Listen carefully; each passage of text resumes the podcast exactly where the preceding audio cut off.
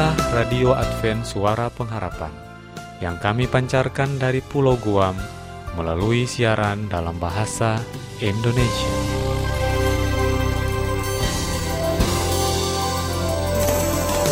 Salam sejahtera kami sampaikan kepada para pendengar kami di mana pun Anda berada. Selamat berjumpa kembali dengan kami, Radio Advent Suara Pengharapan. Dengan senang hati, kami akan menemani Anda melalui rangkaian acara yang telah kami persiapkan khusus bagi Anda sekeluarga. Harapan kami semoga siaran ini dapat bermanfaat dan menjadi berkat bagi Anda semuanya. Selamat mengikuti dan selamat mendengarkan.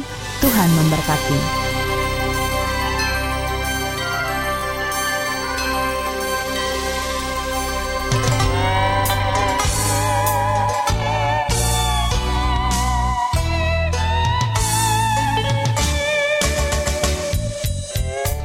Kabar pendengar setia Radio Advent Suara Pengharapan?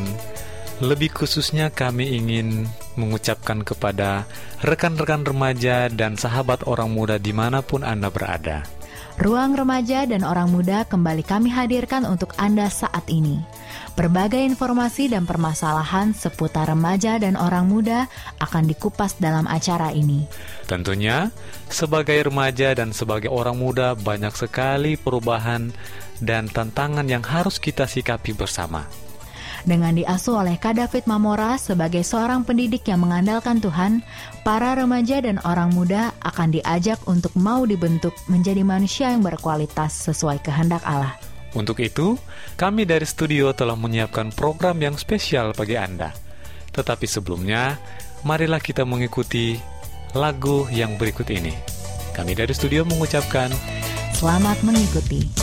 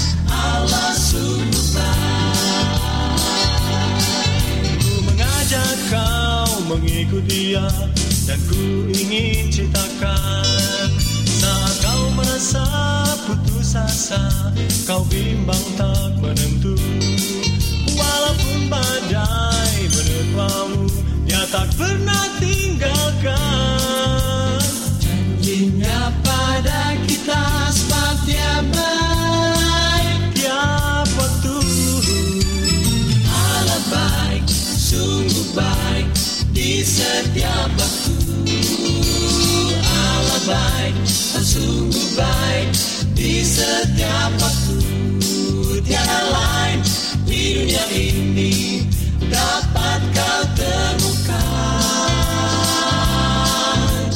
Hanya dia satu-satunya Allah sungguh baik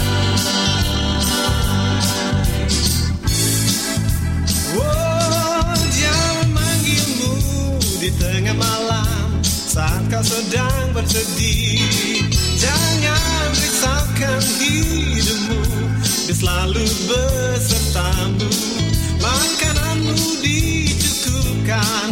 Akan dengar doamu.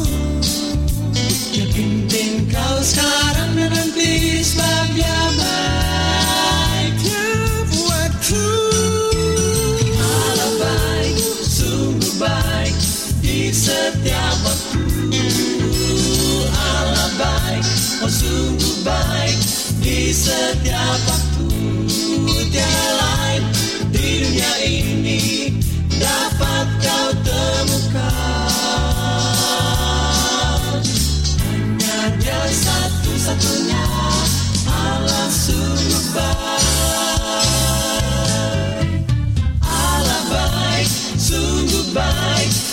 setiap waktu.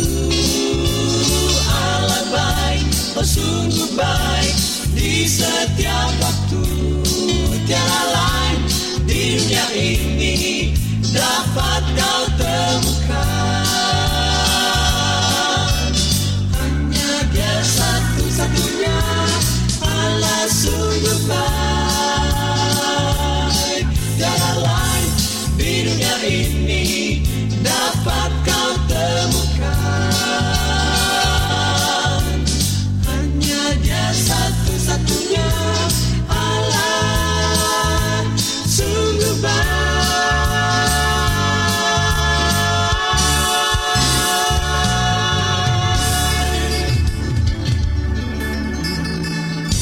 berjumpa kembali kepada seluruh remaja dan orang muda sekalian. Senang sekali Radio Advent Suara Pengharapan bisa bertemu dengan Anda semuanya di udara pada hari yang indah ini. Kami mengajak kita semuanya untuk bersama-sama mempelajari firman Tuhan. Dan pada hari ini kita akan membahas tentang masa depan yang berakar di dalam Kristus. Ayat kita pada hari ini terdapat di dalam Amsal 23 ayat 18. Kami ulangi, Amsal 23 ayat 18. Remaja dan orang muda sekalian, ada orang bijak yang mengatakan ada tiga hal dalam hidup kita yang tidak bisa kembali, yaitu waktu, kenangan, dan kesempatan. Kemudian, selain itu, ada juga tiga hal yang seharusnya tidak boleh hilang dalam kehidupan kita, yaitu pengharapan, ketulusan, dan semangat. Setiap kita, sebagai manusia, sebagai orang muda, memiliki ketiga hal tersebut. Kami mengajak kita semua untuk hati-hati dalam menjalani kehidupan. Kehilangan ketiga hal tersebut bisa berakibat fatal. Masa depan yang seharusnya cerah menjadi suram karena salah memilih jalan hidup di masa muda.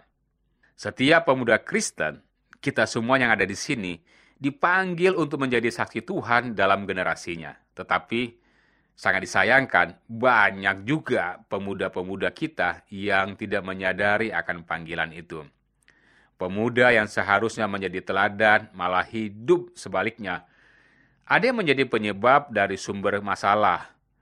Ada juga yang tidak bisa dipungkiri hidupnya zaman sekarang ini yang memiliki banyak sekali tantangan dan cobaan.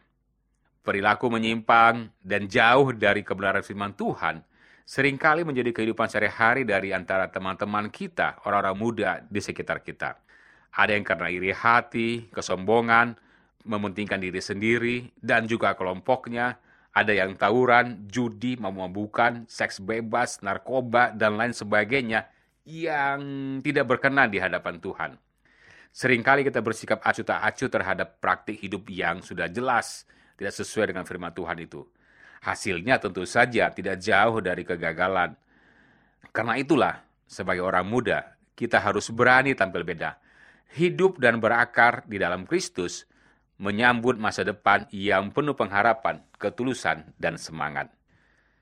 Sesuai dengan firman Tuhan yang terdapat di dalam Yeremia 29 ayat 11 dikatakan, Sebab aku ini mengetahui rancangan-rancangan apa yang ada padaku mengenai kamu, Demikianlah firman Tuhan, yaitu rancangan damai sejahtera dan bukan rancangan kecelakaan untuk memberikan kepadamu hari depan yang penuh harapan. Remaja dan orang muda sekalian, dari pembacaan tadi, ada lima hal yang dapat kita lakukan untuk menyambut masa depan yang telah Tuhan rencanakan baik kepada kita. Yang pertama adalah kita diminta berpikir. Maksudnya adalah jangan melakukan sesuatu sebelum dipikir dengan matang. Kedua, bertindak. Ini maksudnya adalah kita melakukan sesuatu yang telah dipikirkan dengan matang. Dan yang ketiga, kebiasaan. Maksudnya adalah kita akan terbiasa dengan berpikir lalu bertindak. Dan yang keempat, karakter. Kita akan menunjukkan sifat kita setelah mengikuti langkah di atas. Dan yang kelima adalah nasib. Maksudnya, dari keempat cara di atas itulah yang akan menentukan masa depan kita nantinya. Nah, remaja dan orang muda sekalian, untuk mengakhiri pelajaran kita pada hari ini, kami memiliki sebuah ilustrasi. Jika sebuah telur dipecahkan oleh kekuatan dari luar, maka kehidupan di dalam telur itu akan berakhir hancur. Tetapi jika sebuah telur dipecahkan oleh kekuatan dari dalam, maka kehidupan baru telah dimulai. Begitupun dengan masa depan kita. Untuk mencapai semuanya itu dimulai dari dalam diri kita sendiri, bukan dari orang lain. Karena hal-hal besar selalu dimulai dari dalam diri kita sendiri. Jangan menunggu hal-hal besar yang terjadi untuk memulai yang ada dari orang lain. Teman-teman yang terkasih dalam Yesus Kristus, yang kami cintai pada hari ini. Tuhan tidak pernah menjanjikan bahwa langit akan selalu biru, bunga selalu mekar, dan mentari selalu bersinar. Tapi ketahuilah bahwa Tuhan selalu memberi pelangi di setiap badai, senyum di setiap air mata, berkat di setiap cobaan, dan jawaban di setiap doa. Kami mengajak kita semua jangan pernah menyerah, dan marilah kita sambut masa depan ini dalam tangan Tuhan dengan penuh pengharapan, ketulusan, dan semangat. Semoga hari ini dan esok tetap penuh semangat. Tuhan memberkati.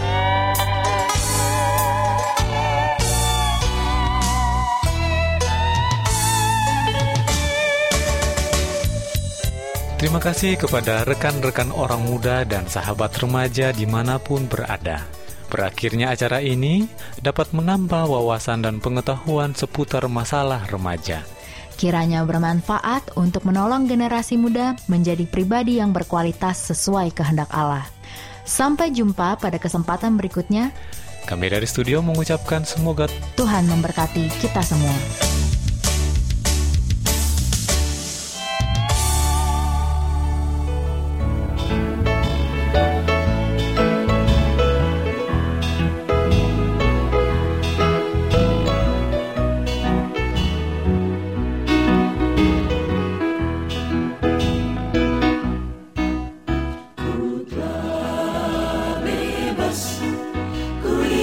Ceritakan pada dunia ku dapat Yesus.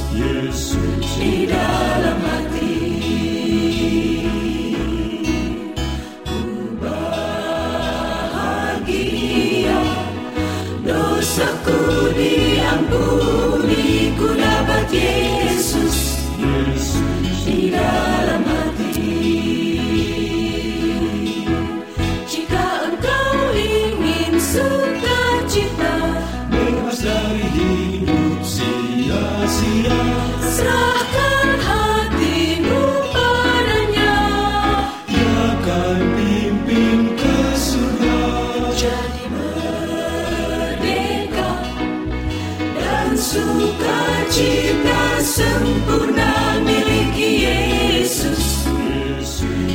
Di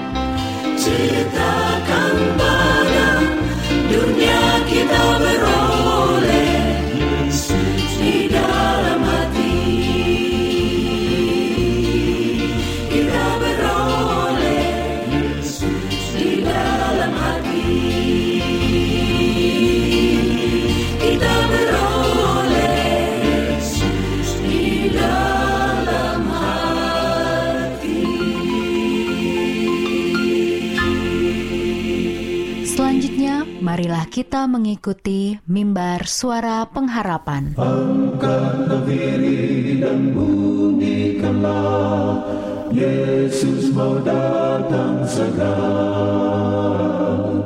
Nyanyi musafir dan pujikanlah.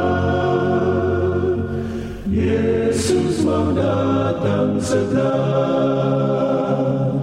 Datang. Inilah mimbar suara pengharapan dengan topik pembahasan Atasi kekhawatiranmu bagian yang kedua. Selamat mendengarkan. Bangsa marah itu tandanya Yesus mau datang segera Pengetahuan bertambah-tambah Mau datang segera. Datang segera Datang segera. Yesus mau datang segera. Salam saudaraku yang diberkati Tuhan, kita patut bersyukur karena diberikan kesempatan oleh Tuhan untuk mendengarkan firman-Nya dalam acara Mimbar Suara Pengharapan. Bersama saya Pendeta Toga Simanjuntak dengan judul pembahasan kita Atasi Kekhawatiranmu bagian yang kedua. Saudaraku, hidup ini tidak akan pernah lepas dari kekhawatiran. Kemarin kita sudah bahas bagian yang pertama, saya akan mencoba membacakan ada tiga ayat Alkitab yang perlu untuk saudara pikirkan dengan baik menolong kita. Yang pertama, Yohanes 14 ayat 1. Janganlah gelisah hatimu. Percayalah kepada Bapa dan kepada juga. Yesus katakan jangan gelisah. Artinya satu jalan untuk menolong kita supaya kita melepaskan kekhawatiran kita. Lalu yang kedua, Mazmur 55 ayat yang ke-22. Serahkanlah khawatirmu kepada Tuhan, maka ia akan memelihara engkau. Tidak untuk selama-lamanya dibiarkannya orang barat itu goyah. Ini ajakan Tuhan, serahkan kepada Tuhan. Jangan kita mengambil alih akan pertolongan Tuhan itu. Lalu yang ketiga, Amsal 12 ayat 25. Ah, ini bagus banget saudaraku. Banget, sangat, sangat, sangat, sangat. Untuk saudara bisa renungkan. Kekhawatiran akan dalam hati membungkukkan orang. Tetapi perkataan yang baik menggembirakan dia. Kekhawatiran dalam hati membungkukkan. Artinya apa? Mungkin tidak bisa tegak. Saudara bisa bayangkan kalau orang bungkuk. Ya, saudara bisa bayangkan itu orang tidak bisa berjalan dengan baik, tidak bisa memandang, tertati-tati, sangat menderita. Tetapi perkataan kita yang baik itu menggembirakan. Jadi kalau kita mengucapkan kata-kata yang baik, itu menolong kita. Nah ini salah satu metode yang paling baik untuk mengatasi kekhawatiran saudaraku. Itu pertama, jangan gelisah. Lalu yang kedua, serahkan kepada Tuhan kekhawatiran kita itu. Lalu ketiga, jangan biar kita menekan karena akan buat kita membungkukkan fisik kita, pikiran kita. Kita tidak bisa berkembang. Ya. Tapi hati kita selalulah bergembira bersama Tuhan. Nah, saudaraku, khawatir itu menjadi sangat berbahaya. Kenapa dikatakan selalu kita terlalu fokus kepada masalah, fokus pada kekhawatiran tersebut? Ya, uh, kalau kita melihat sesuatu hal, misal contohnya, saudaraku, di daerah rumah orang yang mungkin rendah, hujan lalu hujan banjir mungkin, dia gelisah. Bagaimana? Selalu begitu pikirannya, gelisah, banjir, banjir, banjir. Nah, padahal sebenarnya kalau dia bijak, ada banyak cara dia mengatasinya. Pertama, dia buat tanggul rumahnya. Kalau dia rezeki bisa naikkan rumahnya apa? Rumahnya atau mungkin ya udah dihadapin banjir itu dengan tenang aja. Kalaupun banjir masuk rumah, tapi sudah amankan semua barang-barang yang kemungkinan yang bisa kena banjir. Ya, mungkin tempat itu dikasih tambah kayu kakinya atau bagaimana meja-meja itu banyak bisa di atas caranya dengan tenang. Ya, saya pernah lihat satu keluarga rumahnya selalu langganan banjir, tetapi keluarga selalu gembira. Saya tanya, bagaimana kalian cara mengatasi rumahnya itu? Dia katakan, ya sudah, kulkas kami naikkan satu di atas satu peti yang agak tinggi. Ya, bahkan piano juga naikkan lebih tinggi.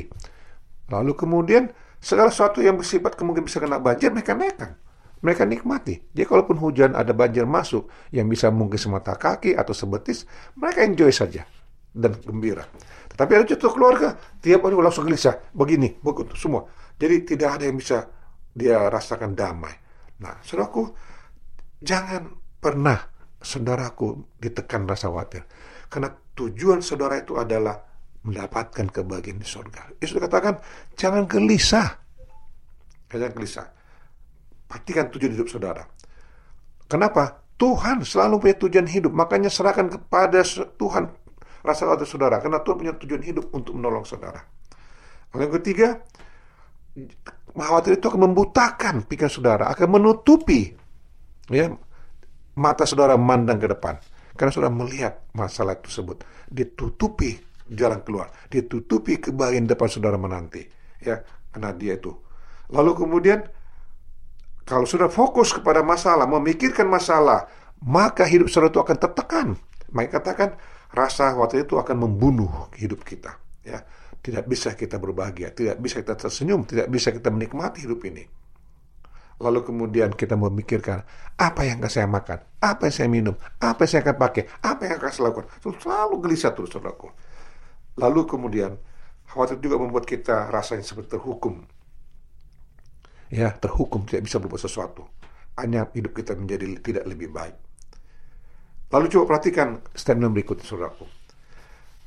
Dengan kekhawatiran kamu tidak dapat menambah satu hasta pada tinggi badanmu. Ya, tidak akan bisa. Lalu dengan khawatir dan gelisah, kehidupan umurmu juga tidak dapat diperpanjang. Kamu saudara nggak bisa menambahkan uh, tinggi badan kita, tidak bisa menambahkan juga kebahagiaan kita. Kalau kita khawatir terus, tidak bisa menambah umur kita, tidak bisa kita dengan sim selabin dapat makan yang enak-enak, langsung tidak bisa saudaraku. Lalu kemudian dari segi kesehatan juga, kalau sudah khawatir, maka justru memakan, mematikan kesehatan secara perlahan-lahan, menutupi, menghancurkan sistem metabolisme tubuh kita. Semua zat-zat yang baik ataupun segala macam bagian-bagian tubuh yang baik itu akan terkontaminasi, terongrong dan akan rusak dan akan membuat masalah baru muncul itu stres, depresi, tekanan yang berat dan bahkan bisa menimbulkan bunuh diri. Nah, bisa menimbulkan penyakit. Penyakit apa saja? Semua yang paling utama adalah sakit kepala. Itu benar.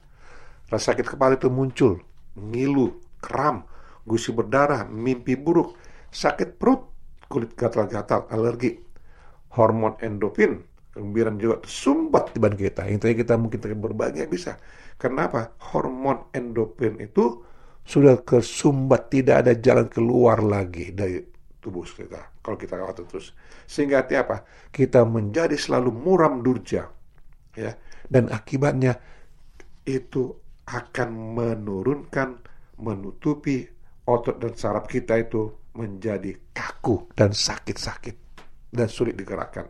Dan itu menurunkan kekebalan tubuh kita atau antibodi kita. Ya, dia akan turunkan itu, dia akan membunuh pelan, dia tidak bisa diproduksi, saudaraku. Tidak bisa lagi memproduksi dengan baik antibodi itu dalam tubuh. Dan menimbulkan penyakit-penyakit yang kronis, saudaraku lebih baik kita melakukan dengan memanage stres kita, memanage apa kehidupan kita daripada kita binasa dengan kekhawatiran. Ya, ayat 35 katakan apa yang kita khawatirkan dapat apa, menimpa kita, membunuh kita. Jangan saudara pikir demikian.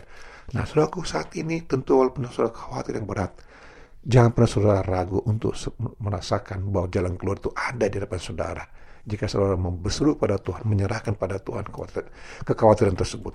Nah, jika saudara merasa khawatir dan ingin didoakan, dan ingin juga untuk mungkin mendapatkan konseling, hubungi kami tim pelayanan mimbar suara pengharapan. Kami akan melayani saudara dengan penuh sukacita, dengan penuh kasih sayang di dalam Yesus Kristus. Kiranya berkat Tuhan menyertai saudara inilah doa harapan kami. Amin. Serahkanlah hatimu pada Yesus, Ia akan tuntun jalan hidupmu. Terimalah dia dan jangan bertangguh, kau kan menang, dia akan besertamu.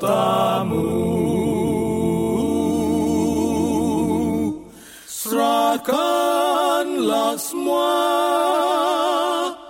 pada Yesus. Suaranya lembut memanggilmu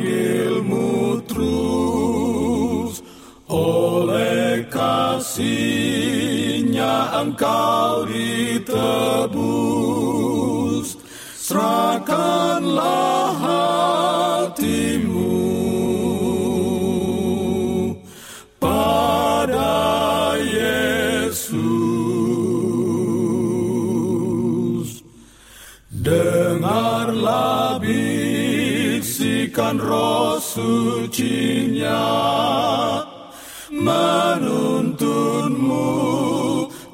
tetap di jalannya. Kau telah menang oleh anugerahnya. Tiba di surga hidup selamanya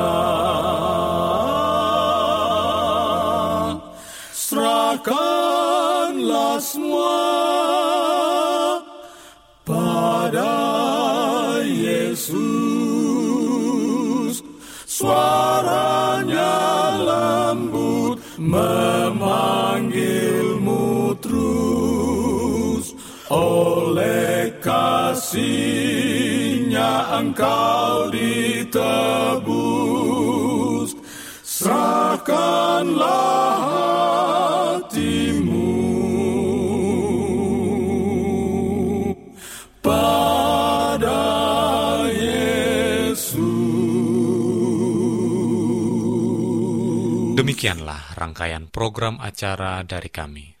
Apabila Anda mempunyai pertanyaan atau ingin mendapatkan seri pelajaran Alkitab Suara Nubuatan, Anda boleh menghubungi kami dengan mengirimkan surat ke Radio Advent Suara Pengharapan, PO Box 8090, Jakarta 12810, Indonesia. Telepon 0821 1061 1595. Alamat email awrindonesia at yahoo.co.id Anda juga dapat bergabung di Facebook kami, pendengar radio Advent Suara Pengharapan, juga radio Advent Suara Pengharapan. Terima kasih kami ucapkan bagi Anda semua pendengar kami yang setia. Kita akan berjumpa kembali pada waktu dan gelombang yang sama esok hari. Salam kasih dan sejahtera. Tuhan memberkati. Dengarlah bisikan roh sucinya Menuntunmu tetap di jalannya Kau telah menang oleh anugerahnya. Tiba di surga hidup selamanya. Serahkanlah semua pada Yesus